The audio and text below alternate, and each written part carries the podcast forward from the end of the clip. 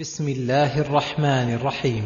سبح لله ما في السماوات وما في الأرض وهو العزيز الحكيم. هو الذي أخرج الذين كفروا من أهل الكتاب من ديارهم لأول الحشر. هذه السورة تسمى سورة بني النضير وهم طائفة كبيرة من اليهود في جانب المدينة وقت بعثة النبي صلى الله عليه وسلم. فلما بعث النبي صلى الله عليه وسلم وهاجر إلى المدينة كفروا به في جملة من كفر من اليهود. فلما هاجر النبي صلى الله عليه وسلم إلى المدينة هادن سائر طوائف اليهود الذين هم جيرانه في المدينة. فلما كان بعد وقعة بدر بستة أشهر أو نحوها خرج إليهم النبي صلى الله عليه وسلم وكلمهم أن يعينوه في دية الكلابيين الذين قتلهم عمرو بن أمية الضمري. فقالوا نفعل يا أبا القاسم. اجلس ها هنا حتى نقضي حاجتك. فخلا بعضهم ببعض وسول لهم الشيطان الشقاء الذي كتب عليهم فتآمروا بقتله صلى الله عليه وسلم وقالوا أيكم يأخذ هذه الرحى فيصعد فيلقيها على رأسه يشتخه بها؟ فقال أشقاهم عمرو بن جحاش أنا. فقال لهم سلام بن مشكم لا تفعلوا فوالله ليخبرن بما هممتم به وإنه لينقض العهد الذي بيننا وبينه. وجاء الوحي على الفور إليه من ربه بما هموا به. فنهض مسرعا فتوجه إلى المدينة ولحقه أصحابه. فقالوا نهضت ولم نشعر بك. فأخبرهم بما همت يهود به. وبعث إليهم رسول الله صلى الله عليه وسلم أن اخرجوا من المدينة ولا تساكنوني بها وقد أجلتكم عشرا. فمن وجدت بعد ذلك بها ضربت عنقه.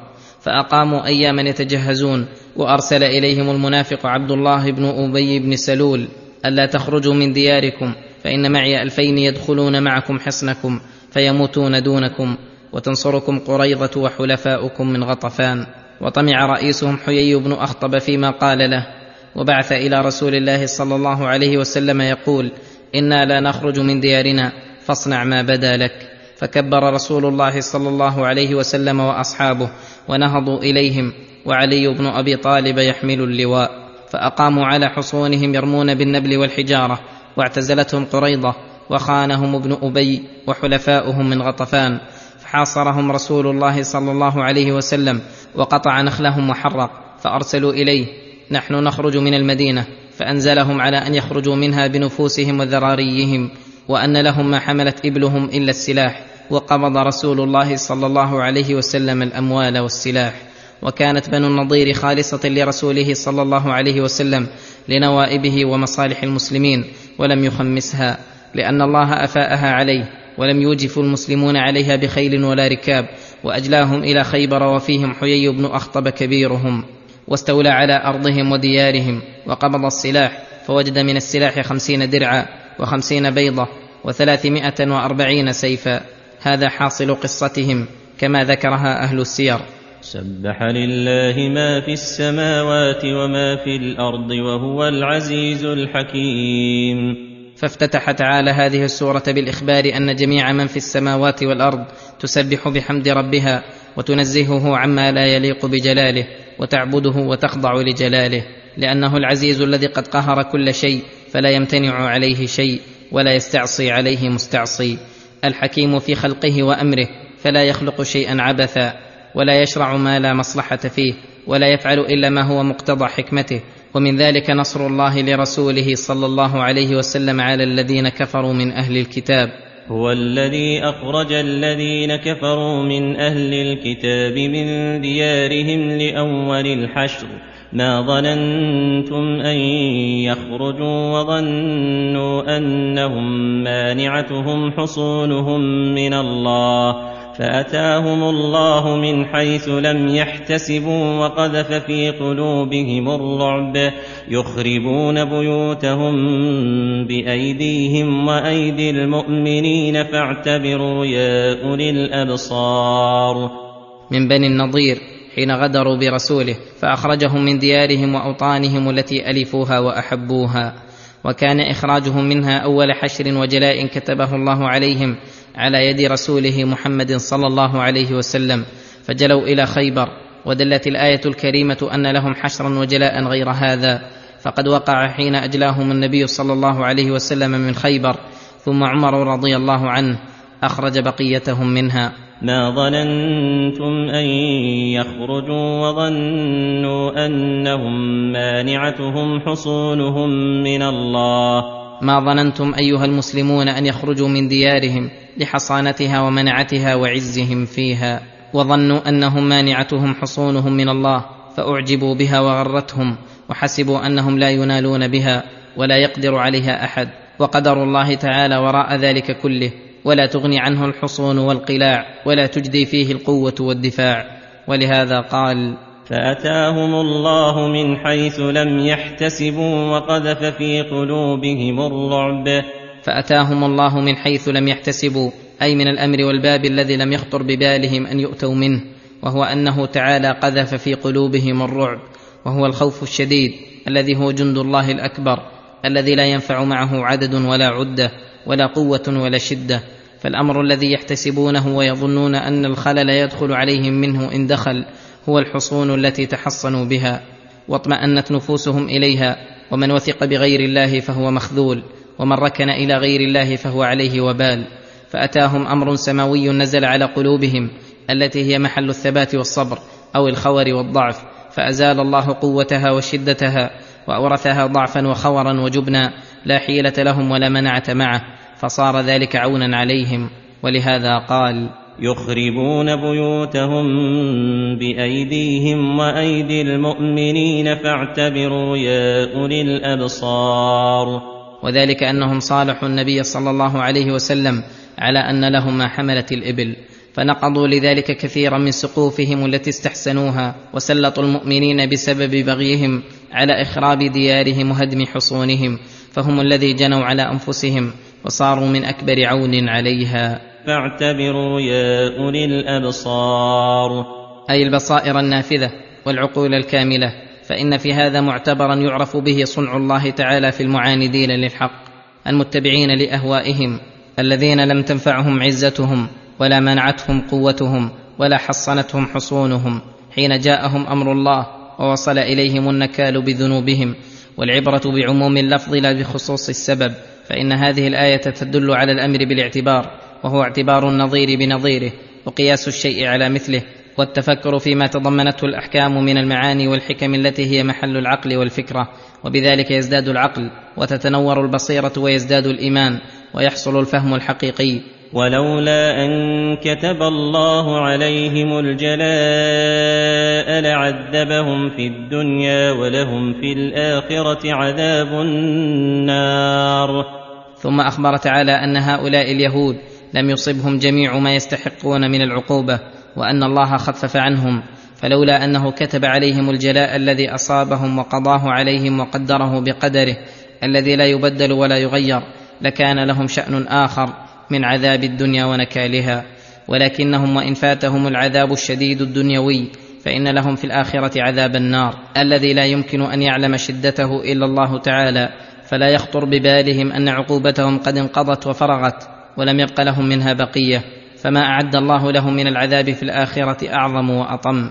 ذلك بأنهم شاقوا الله ورسوله ومن يشاق الله فإن الله شديد العقاب. وذلك لأنهم شاقوا الله ورسوله وعادوهما وحاربوهما وسعوا في معصيتهما وهذه عادته وسنته في من شاقه. ما قطعتم من لينة أو تركتموها قائمة على أصولها فبإذن الله وليخزي الفاسقين. ولما لام بنو النضير رسول الله صلى الله عليه وسلم والمسلمين في قطع النخيل والأشجار وزعموا أن ذلك من الفساد وتوصلوا بذلك إلى الطعن بالمسلمين أخبر تعالى أن قطع النخيل إن قطعوه أو إبقاءهم إياه إن أبقوه. إنه بإذنه تعالى وأمره وليخزي الفاسقين. حيث سلطكم على قطع نخلهم وتحريقها ليكون ذلك نكالا لهم وخزيا في الدنيا وذلا يعرف به عجزهم التام الذي ما قدروا على استنقاذ نخلهم الذي هو مادة قوتهم واللينة اسم يشمل سائر النخيل على أصح الاحتمالات وأولاها فهذه حال بني النضير وكيف عاقبهم الله في الدنيا؟ ثم ذكر من انتقلت إليه أموالهم وأمتعتهم فقال وما افاء الله على رسوله منهم فما اوجفتم عليه من خيل ولا ركاب ولكن الله يسلط رسله على من يشاء والله على كل شيء قدير. وما أفاء الله على رسوله منهم أي من أهل هذه القرية وهم بنو النضير. فإنكم يا معشر المسلمين ما أوجفتم أي أجلبتم وأسرعتم وحشدتم عليه من خيل ولا ركاب. أي لم تتعبوا بتحصيلها لا بأنفسكم ولا بمواشيكم بل قذف الله في قلوبهم الرعب فأتتكم صفوا عفوا. ولهذا قال ولكن الله يسلط رسله على من يشاء والله على كل شيء قدير. ومن تمام قدرته أنه لا يمتنع منهم ممتنع ولا يتعزز من دونه قوي. ما افاء الله على رسوله من أهل القرى فلله وللرسول ولذي القربى واليتامى والمساكين وابن السبيل وابن السبيل كي لا يكون دوله بين الاغنياء منكم وما آتاكم الرسول فخذوه وما نهاكم عنه فانتهوا واتقوا الله إن الله شديد العقاب. وتعريف الفيء في اصطلاح الفقهاء هو ما أخذ من مال الكفار بحق من غير قتال كهذا المال الذي فروا وتركوه خوفا من المسلمين وسمي فيئا لأنه رجع من الكفار الذين هم غير مستحقين له إلى المسلمين الذين لهم الحق الأوفر فيه وحكمه العام كما ذكره الله في قوله ما أفاء الله على رسوله من أهل القرى عموما سواء أفاء الله في وقت رسوله أو بعده لمن يتولى من بعده أمته. فلله وللرسول ولذي القربى واليتامى والمساكين وابن السبيل. وهذه الآية نظير الآية التي في سورة الأنفال في قوله واعلموا أن ما غنمتم من شيء فأن لله خمسه وللرسول. ولذي القربى واليتامى والمساكين وابن السبيل فهذا الفيء يقسم خمسة أقسام خمس لله ولرسوله يصرف في مصالح المسلمين العامة وخمس لذوي القربى وهم بنو هاشم وبنو المطلب حيث كانوا يسوى فيه بين ذكورهم وإناثهم وإنما دخل بنو المطلب في خمس الخمس مع بني هاشم ولم يدخل بقية بني عبد مناف لأنهم شاركوا بني هاشم في دخولهم الشعب. حين تعاقدت قريش على هجرهم وعداوتهم فنصروا رسول الله صلى الله عليه وسلم بخلاف غيرهم. ولهذا قال النبي صلى الله عليه وسلم في بني عبد المطلب إنهم لم يفارقوني في جاهلية ولا إسلام. وخمس لفقراء اليتامى وهم من لا أب له ولم يبلغ. وخمس للمساكين وسهم لأبناء السبيل وهم الغرباء المنقطع بهم في غير أوطانهم. وإنما قدر الله هذا التقدير وحصر الفيء في هؤلاء المعنيين. كي لا يكون دولة بين الأغنياء منكم. لكي لا يكون دولة أي مداولة واختصاصا بين الأغنياء منكم فإنه لو لم يقدره لتداولته الأغنياء الأقوياء ولما حصل لغيره من العاجزين منه شيء وفي ذلك من الفساد ما لا يعلمه إلا الله. كما أن في اتباع أمر الله وشرعه من المصالح ما لا يدخل تحت الحصر. ولذلك أمر الله بالقاعدة الكلية والأصل العام فقال وما اتاكم الرسول فخذوه وما نهاكم عنه فانتهوا. وهذا شامل لأصول الدين وفروعه ظاهره وباطنه وأن ما جاء به الرسول يتعين على العباد الأخذ به واتباعه ولا تحل مخالفته وأن نص الرسول على حكم شيء كنص الله تعالى لا رخصة لأحد ولا عذر له في تركه. ولا يجوز تقديم قول أحد على قوله ثم أمر بتقواه التي بها عمارة القلوب والأرواح والدنيا والآخرة وبها السعادة الدائمة والفوز العظيم وبإضاعتها الشقاء الأبدي والعذاب السرمدي. فقال واتقوا الله إن الله شديد العقاب.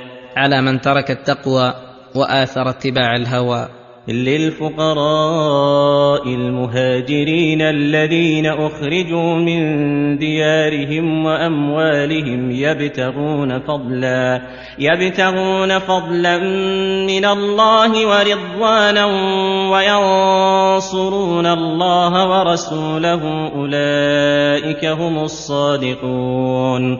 والذين تبوأوا الدار والإيمان من قبلهم يحبون من هاجر إليهم ولا يجدون في صدورهم حاجة مما أوتوا ويؤثرون على أنفسهم ولو كان بهم خصاصة ومن يوق شح نفسه فاولئك هم المفلحون. ثم ذكر تعالى الحكمة والسبب الموجب لجعله تعالى الأموال أموال الفيء لمن قدرها له وأنهم حقيقون بالإغاثة مستحقون لأن تجعل لهم وأنهم ما بين مهاجرين قد هجروا المحبوبات والمألوفات من الديار والأوطان والأحباب والخلان والأموال رغبة في الله ونصرة لدين الله ومحبة لرسول الله فهؤلاء هم الصادقون الذين عملوا بمقتضى إيمانهم وصدقوا إيمانهم بأعمالهم الصالحة والعبادات الشاقة بخلاف من ادعى الإيمان وهو لم يصدقه بالجهاد والهجرة وغيرهما من العبادات وبين أنصار وهم الأوس والخزرج الذين آمنوا بالله ورسوله طوعة ومحبة واختيارا وآووا رسول الله صلى الله عليه وسلم ومنعوه من الأحمر والأسود وتبوأوا دار الهجرة والإيمان حتى صارت موئلا ومرجعا يرجع إليه المؤمنون ويلجأ إليه المهاجرون ويسكن بحماه المسلمون. إذ كانت البلدان كلها بلدان حرب وشرك وشر فلم يزل أنصار الدين تأوي إلى الأنصار حتى انتشر الإسلام وقوي. وجعل يزيد شيئا فشيئا وينمو قليلا قليلا حتى فتحوا القلوب بالعلم والإيمان والقرآن والبلدان بالسيف والسنان. الذين من جملة أوصافهم الجميلة أنهم يحبون من هاجر إليهم وهذا لمحبتهم لله ولرسوله احبوا أحبابه. واحبوا من نصر دينه. ولا يجدون في صدورهم حاجة مما أوتوا. أي لا يحسدون المهاجرين على ما آتاهم الله من فضله وخصهم به من الفضائل والمناقب التي هم أهلها وهذا يدل على سلامة صدورهم وانتفاء الغل والحقد والحسد عنها. ويدل ذلك على أن المهاجرين أفضل من الأنصار لأن الله قدمهم بالذكر وأخبر أن الأنصار لا يجدون في صدورهم حاجة مما أوتوا فدل على أن الله تعالى آتاهم ما لم يؤت الأنصار ولا غيرهم ولأنهم جمعوا بين النصرة والهجرة. وقوله ويؤثرون على أنفسهم ولو كان بهم خصاصة. أي أيوة ومن أوصاف الأنصار التي فاقوا بها غيرهم وتميزوا بها على من سواهم الإيثار وهو أكمل أنواع الجود. وهو الإيثار بمحاب النفس من الأموال وغيرها وبذلها للغير مع الحاجة إليها بل مع الضرورة والخصاصة وهذا لا يكون إلا من خلق زكي ومحبة لله تعالى مقدمة على محبة شهوات النفس ولذاتها. ومن ذلك قصة الأنصاري الذي نزلت الآية بسببه حين آثر ضيفه بطعامه وطعام أهله وأولاده وباتوا جياعا والإيثار عكس الاثره فالإيثار محمود والأثرة مذمومة. لأنها من خصال البخ والشح ومن رزق الإيثار فقد وقي شح نفسه.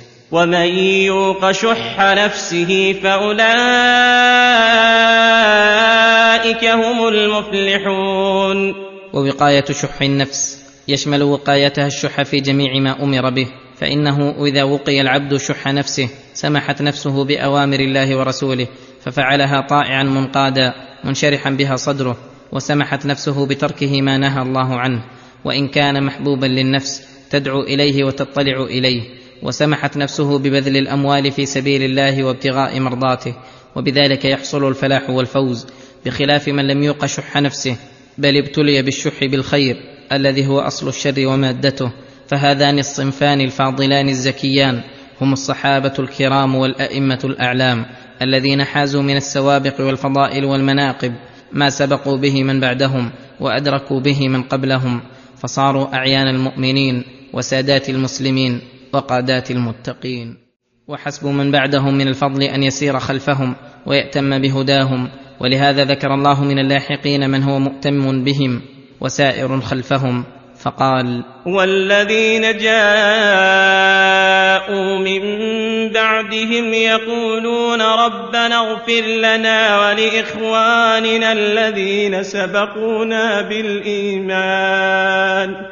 ربنا اغفر لنا ولإخواننا الذين سبقونا بالإيمان. ولا تجعل في قلوبنا غلا للذين آمنوا. ربنا إنك رؤوف رحيم. والذين جاءوا من بعدهم أي من بعد المهاجرين والأنصار يقولون على وجه النصح لأنفسهم ولسائر المؤمنين ربنا اغفر لنا ولإخواننا الذين سبقونا بالإيمان. وهذا دعاء شامل لجميع المؤمنين السابقين من الصحابة ومن قبلهم ومن بعدهم.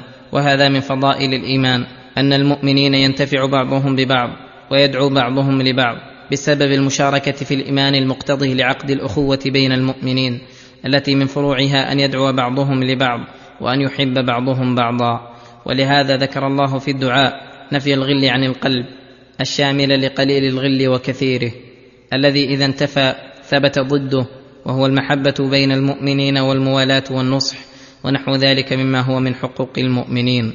فوصف الله من بعد الصحابة بالإيمان لأن قولهم سبقونا بالإيمان دليل على المشاركة في الإيمان وأنهم تابعون للصحابة في عقائد الإيمان وأصوله. وهم أهل السنة والجماعة الذين لا يصدق هذا الوصف التام إلا عليهم. ووصفهم بالإقرار بالذنوب والاستغفار منها واستغفار بعضهم لبعض. واجتهادهم في إزالة الغل والحقد عن قلوبهم لإخوانهم المؤمنين لأن دعاءهم بذلك مستلزم لما ذكرنا ومتضمن لمحبة بعضهم بعضا وأن يحب أحدهم لأخيه ما يحب لنفسه وأن ينصح له حاضرا وغائبا حيا وميتا. ودلت الآية الكريمة على أن هذا من جملة حقوق المؤمنين بعضهم لبعض. ثم ختموا دعاءهم باسمين كريمين دالين على كمال رحمة الله وشدة رأفته وإحسانه بهم. الذي من جملته بل من أجله توفيقهم للقيام بحقوق الله وحقوق عباده. فهؤلاء الأصناف الثلاثة هم أصناف هذه الأمة وهم المستحقون للفيء الذي مصرفه راجع إلى مصالح الإسلام.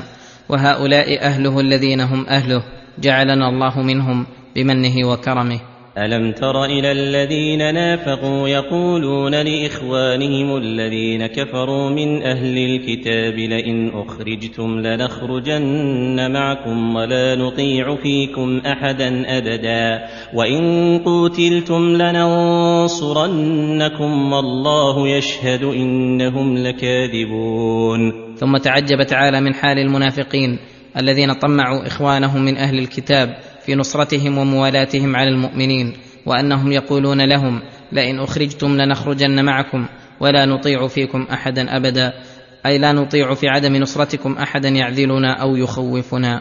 وإن قوتلتم لننصرنكم والله يشهد إنهم لكاذبون. والله يشهد إنهم لكاذبون في هذا الوعد الذي غروا به إخوانهم. ولا يستكثر هذا عليهم فإن الكذب وصفهم. والغرور والخداع مقارنهم والنفاق والجبن يصحبهم ولهذا كذبهم الله بقوله الذي وجد مخبره كما أخبر الله به ووقع طبق ما قال فقال لئن أخرجوا لا يخرجون معهم ولئن قوتلوا لا ينصرونهم ولئن نصروهم ليولن الأدبار ثم لا ينصرون. لئن أخرجوا من ديارهم جلاء ونفيا لا يخرجون معهم لمحبتهم للأوطان وعدم صبرهم على القتال وعدم وفائهم بوعدهم ولئن قوتلوا لا ينصرونهم بل يستولي عليهم الجبن ويملكهم الفشل ويخذلون إخوانهم أحوج ما كانوا إليهم. ولئن نصروهم ليولن الأدبار ثم لا ينصرون. ولئن نصروهم على الفرض والتقدير ليولن الأدبار ثم لا ينصرون. أي لا يحصل منهم الإدبار عن القتال والنصرة ولا يحصل لهم نصر من الله. لأنتم أشد رهبة في صدورهم من الله. ذلك بأنهم قوم لا يفقهون. والسبب الذي أوجب لهم ذلك أنكم أيها المؤمنون أشد رهبة في صدورهم من الله. فخافوا منكم أعظم مما يخافون الله. وقدموا مخافة المخلوق الذي لا يملك لنفسه ولا غيره نفعا ولا ضرا على مخافة الخالق الذي بيده الضر والنفع والعطاء والمنع. ذلك بأنهم قوم لا يفقهون. ذلك بأنهم قوم لا يفقهون مراتب الأمور ولا يعرفون حقائق الأشياء ولا يتصورون العواقب وإنما الفقه كل الفقه أن يكون خوف الخالق ورجاؤه ومحبته مقدمة على غيرها. وغيرها تبعا لها. لا يقاتلونكم جميعا إلا في قرى محصنة أو من وراء جدر بأسهم بينهم شديد. تحسبهم جميعا وقلوبهم شتى ذلك بأنهم قوم لا يعقلون. لا يقاتلونكم جميعا أي في حال الاجتماع. إلا في قرى محصنة أو من وراء جدر أي لا يثبتون لقتالكم ولا يعزمون عليه إلا إذا كانوا متحصنين في القرى أو من وراء الجدر والأسوار فإنهم اذ ذاك ربما يحصل منهم امتناع اعتمادا على حصونهم وجدرهم لا شجاعة بأنفسهم وهذا من أعظم الذم بأسهم بينهم شديد. أي بأسهم فيما بينهم شديد لا آفة في أبدانهم ولا في قوتهم وإنما الآفة في ضعف إيمانهم وعدم اجتماع كلمتهم. ولهذا قال تحسبهم جميعا وقلوبهم شتى. تحسبهم جميعا حين تراهم مجتمعين ومتظاهرين ولكن قلوبهم شتى أي متباغضة متفرقة متشتتة. ذلك بأنهم قوم لا يعقلون. ذلك الذي أوجب لهم اتصافهم بما ذكر بأنهم قوم لا يعقلون أي لا عقل عندهم ولا لب فإنهم لو كانت لهم عقول لآثروا الفاضل على المفضول ولما رضوا لأنفسهم بأبخس الخطتين ولكانت كلمتهم مجتمعة وقلوبهم مؤتلفة فبذلك يتناصرون ويتعاضدون ويتعاونون على مصالحهم ومنافعهم الدينية والدنيوية. مثل هؤلاء المخذولين من أهل الكتاب الذين انتصر الله لرسوله منهم وأذاقهم الخزي في الحياة الدنيا وعدم نصر من وعدهم بالمعاونة. كمثل الذين من قبلهم قريبا ذاقوا وبال أمرهم ولهم عذاب أليم. كمثل الذين من قبلهم قريبا وهم كفار قريش الذين زين لهم الشيطان أعمالهم وقال لا غالب لكم اليوم من الناس وإني جار لكم. فلما تراءت الفئتان نكص على عقبيه وقال إني بريء منكم إني أرى ما لا ترون. فغرتهم أنفسهم وغرهم من غرهم الذين لم ينفعوهم ولم يدفعوا عنهم العذاب حتى أتوا بدرا بفخرهم وخيلائهم ظانين أنهم مدركون برسول الله والمؤمنين أمانيهم فنصر الله رسوله والمؤمنين عليهم فقتلوا كبارهم وصناديدهم وأسروا من أسروا منهم وفر من فر وذاقوا بذلك وبال أمرهم وعاقبة شركهم وبغيهم هذا في الدنيا ولهم في الآخرة عذاب النار ومثل هؤلاء المنافقين الذين غروا إخوانهم من أهل الكتاب. كمثل الشيطان إذ قال للإنسان اكفر فلما كفر قال إني بريء منك إني أخاف الله إني أخاف الله رب العالمين. كمثل الشيطان إذ قال للإنسان اكفر أي زين له الكفر. وحسنه ودعاه إليه فلما اغتر به وكفر وحصل له الشقاء لم ينفعه الشيطان الذي تولاه ودعاه إلى ما دعاه إليه بل تبرأ منه وقال إني بريء منك إني أخاف الله رب العالمين. أي ليس لي قدرة على دفع العذاب عنك ولست بمغن عنك مثقال ذرة من الخير.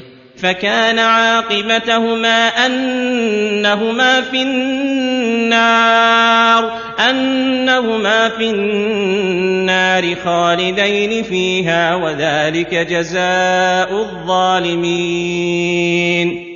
فكان عاقبتهما أي الداعي الذي هو الشيطان والمدعو الذي هو الإنسان حين أطاعه أنهما في النار خالدين فيها كما قال تعالى إنما يدعو حزبه ليكونوا من أصحاب السعير. وذلك جزاء الظالمين الذين اشتركوا في الظلم والكفر. وإن اختلفوا في شدة العذاب وقوته. وهذا دأب الشيطان مع كل أوليائه. فإنه يدعوهم ويدليهم إلى ما يضرهم بغرور. حتى إذا وقعوا في الشباك وحاقت بهم أسباب الهلاك تبرأ منهم وتخلى عنهم. واللوم كل اللوم على من أطاعه. فإن الله قد حذر منه وأنذر. وأخبر بمقاصده وغايته ونهايته فالمقدم على طاعته عاص على بصيرة لا عذر له. يا أيها الذين آمنوا اتقوا الله ولتنظر نفس ما قدمت لغد. واتقوا الله إن الله خبير بما تعملون.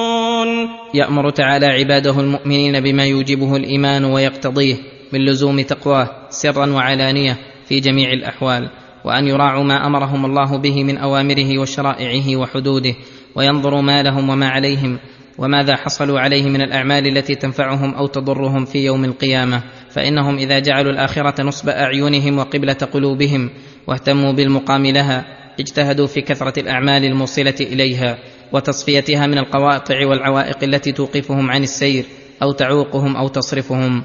وإذا علموا أيضا أن الله خبير بما يعملون لا تخفى عليه أعمالهم ولا تضيع لديه ولا يهملها أوجب لهم الجد والاجتهاد. وهذه الآية الكريمة أصل في محاسبة العبد نفسه وأنه ينبغي له أن يتفقدها فإن رأى زللا تداركه بالإقلاع عنه والتوبة النصوح والإعراض عن الأسباب الموصلة إليه. وإن رأى نفسه مقصرا في أمر من أوامر الله بذل جهده واستعان بربه في تكميله وتتميمه وإتقانه. ويقايس بين منن الله عليه وإحسانه وبين تقصيره فإن ذلك يوجب له الحياء بلا محالة. ولا تكونوا كالذين نسوا الله فأنساهم أنفسهم أولئك هم الفاسقون. والحرمان كل الحرمان أن يغفل العبد عن هذا الأمر ويشابه قوما نسوا الله وغفلوا عن ذكره والقيام بحقه. وأقبلوا على حظوظ أنفسهم وشهواتها فلم ينجحوا ولم يحصلوا على طائل بل أنساهم الله مصالح أنفسهم وأغفلهم عن منافعها وفوائدها فصار أمرهم فرطا فرجعوا بخسارة الدارين وغبنوا غبنا لا يمكنهم تداركه ولا يجبر كسره لأنهم هم الفاسقون الذين خرجوا عن طاعة ربهم وأوضعوا في معاصيه. لا يستوي أصحاب النار وأصحاب الجنة. أصحاب الجنة هم الفائزون. فهل يستوي من حافظ على تقوى الله ونظر لما قدم لغده فاستحق جنات النعيم والعيش السليم مع الذين أنعم الله عليهم من النبيين والصديقين والشهداء والصالحين. ومن غفل عن ذكر الله ونسي حقوقه فشقي في الدنيا واستحق العذاب في الآخرة فالأولون هم الفائزون والآخرون هم الخاسرون. لو أنزلنا هذا القرآن على جبل لرأيته خاشعا متصدعا من خشية الله وتلك الأمثال نضربها للناس لعلهم يتفكرون. ولما بين تعالى لعباده ما بين وأمرهم ونهاهم في كتابه العزيز. كان هذا موجبا لأن يبادروا إلى ما دعاهم إليه وحثهم عليه. ولو كانوا في القسوة وصلابة القلوب كالجبال الرواسي فإن هذا القرآن لو أنزله على جبل لرأيته خاشعا متصدعا من خشية الله. أي لكمال تأثيره في القلوب فإن مواعظ القرآن الكريم أعظم المواعظ على الإطلاق وأوامره ونواهيه محتوية على الحكم والمصالح المقرونة بها. وهي من أسهل شيء على النفوس وأيسرها على الأبدان خالية من التكلف لا تناقض فيها ولا اختلاف ولا صعوبة فيها ولا اعتساف تصلح لكل زمان ومكان وتليق لكل أحد. ثم أخبر تعالى أنه يضرب للناس الأمثال ويوضح لعباده في كتابه الحلال والحرام لأجل أن يتفكروا في آياته ويتدبروها فإن التفكر فيها يفتح للعبد خزائن العلم ويبين له طرق الخير والشر ويحثه على مكارم الأخلاق ومحاسن الشيم ويزجره عن مساوئ الأخلاق فلا أنفع للعبد من التفكر في القرآن والتدبر لمعانيه. هو الله الذي لا إله إلا هو عالم الغيب والشهادة هو الرحمن الرحيم.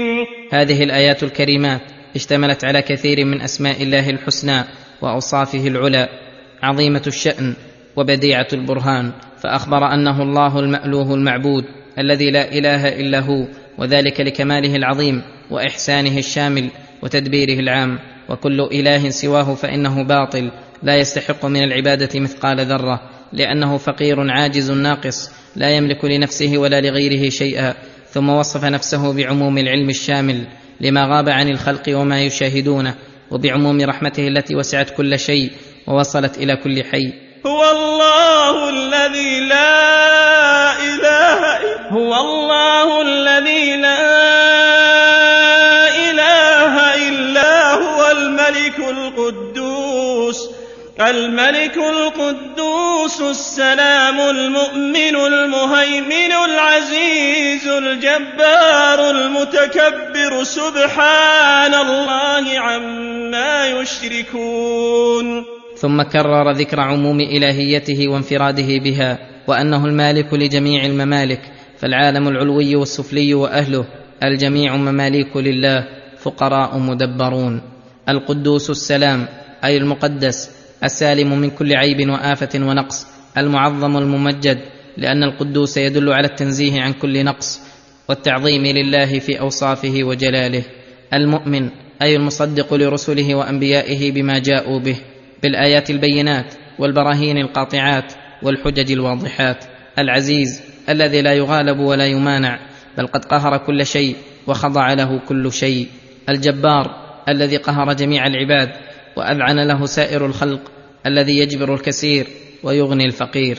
المتكبر الذي له الكبرياء والعظمة المتنزه عن جميع العيوب والظلم والجور.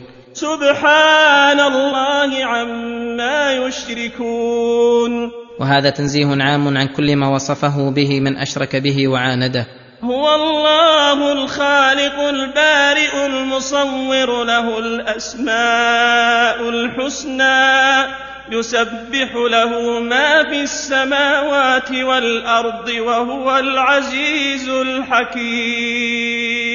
هو الله الخالق لجميع المخلوقات. البارئ للمبروءات المصور للمصورات وهذه الأسماء متعلقة بالخلق والتدبير والتقدير وأن ذلك كله قد انفرد الله به لم يشاركه فيه مشارك.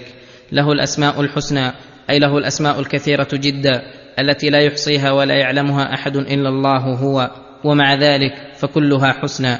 أي صفات كمال بل تدل على أكمل الصفات وأعظمها لا نقص في شيء منها بوجه من الوجوه.